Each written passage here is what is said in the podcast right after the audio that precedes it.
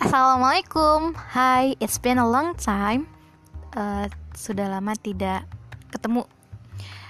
Kali ini saya akan read aloud tentang fits uh, bermanfaat dari Ed Suhud Rais. Beliau ini tulisannya sangat bagus dan saya akan uh, membacakannya. Tentang kontennya pendidikan, yaitu keterlibatan murid. Keterlibatan murid merupakan salah satu perwujudan pembelajaran yang berpusat kepada murid. Keterlibatan ini penting, saya pikir semua setuju. Saya ini adalah beliau ya, Bapak Suhud Rohid. Rois, maaf. Guru seperti apa yang tidak ingin muridnya terlibat dalam pembelajaran? Harusnya tidak ada. Keterlibatan murid dalam pembelajaran terjadi dalam perilaku, emosional, dan kognitif.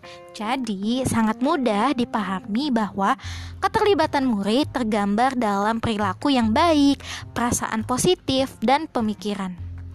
Keterlibatan murid dalam Pembelajaran bukan sekedar untuk lulus ujian atau menyelesaikan tugas.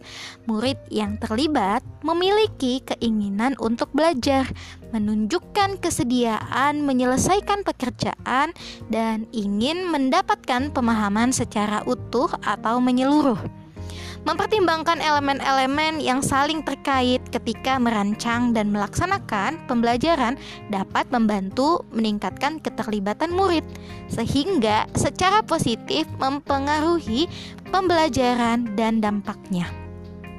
Apa sajakah elemen itu? Membuat semuanya bermakna. Satu, supaya terlibat penuh penting bagi murid untuk yakin bahwa aktivitas belajar yang akan dan sedang dilakukan adalah sesuatu yang bermakna. Jika murid menganggap kegiatan belajar tidak layak dengan waktu dan usaha dikeluarkan, mereka mungkin tidak terlibat secara memuaskan, bahkan melepaskan diri sepenuhnya, alias asal-asalan atau tidak peduli. Untuk memastikan bahwa kegiatan belajar bermakna secara pribadi, guru dapat menghubungkannya dengan pengalaman dan pengetahuan murid sebelumnya serta menggarisbawahi manfaat kegiatan yang relevan. Praktisi atau ahli dapat membantu memahamkan mengapa kegiatan itu layak dilakukan serta kapan dan bagaimana aktivitas tersebut digunakan dalam kehidupan nyata. 2. Mendorong pencapaian kompetisi. Kalau tadi kan yang satu membuat semuanya bermakna dengan cara menghubungkannya dengan pengetahuan atau pengalaman murid sebelumnya. Yang kedua adalah mendorong pencapaian kompetisi. Kompetensi, maaf. Kompetensi dapat menunjukkan kemungkinan murid berhasil dalam satu kegiatan belajar atau tantangan. Ketika terlihat bahwa peluang mencapai keberhasilan ada, murid perlu membuat rencana agar dapat melakukan aktivitas secara efektif. Ini dapat berdampak positif pada keterlibatan selanjutnya.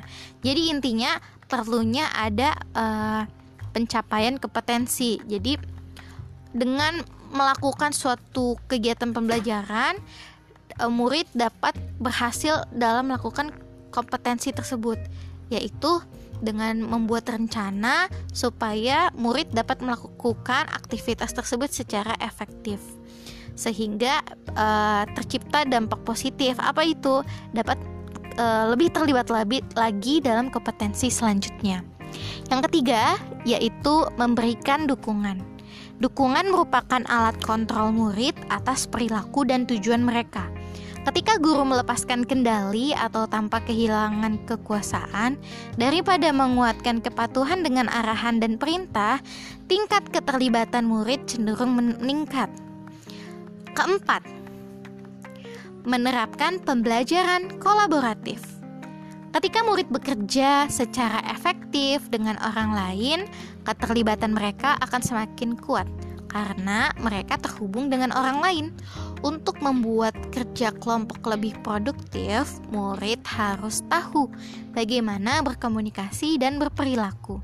Guru menunjukkan bagaimana kolaborasi dilakukan, menghindari kelompok yang homogen dan pengelompokan berdasarkan kemampuan, mendorong tanggung jawab individu dengan memberi peran yang berbeda, serta mengevaluasi kinerja individu dan kelompok.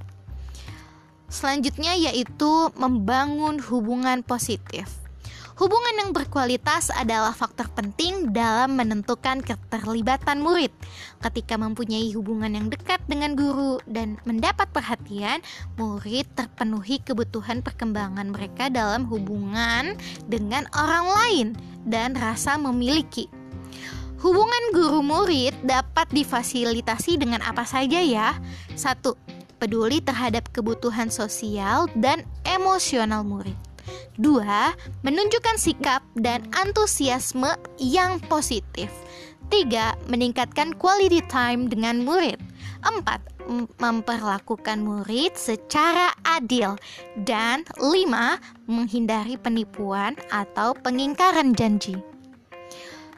Selanjutnya yaitu orientasi pada kompetensi. Perspektif aktivitas belajar murid juga menentukan tingkat keterlibatan mereka.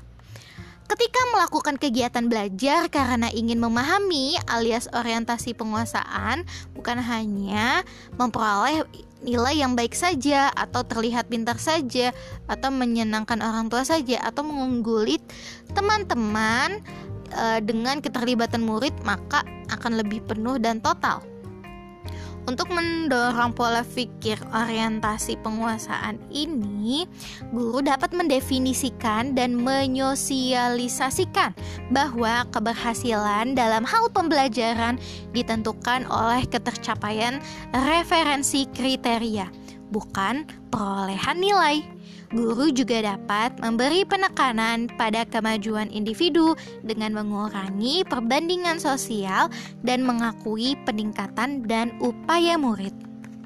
Dan itu adalah topik-topik ya yang dibahas oleh Bapak Suhut Rohis tentang bagaimana cara uh, murid supaya lebih terlibat dalam pembelajaran alias keterlibatan murid.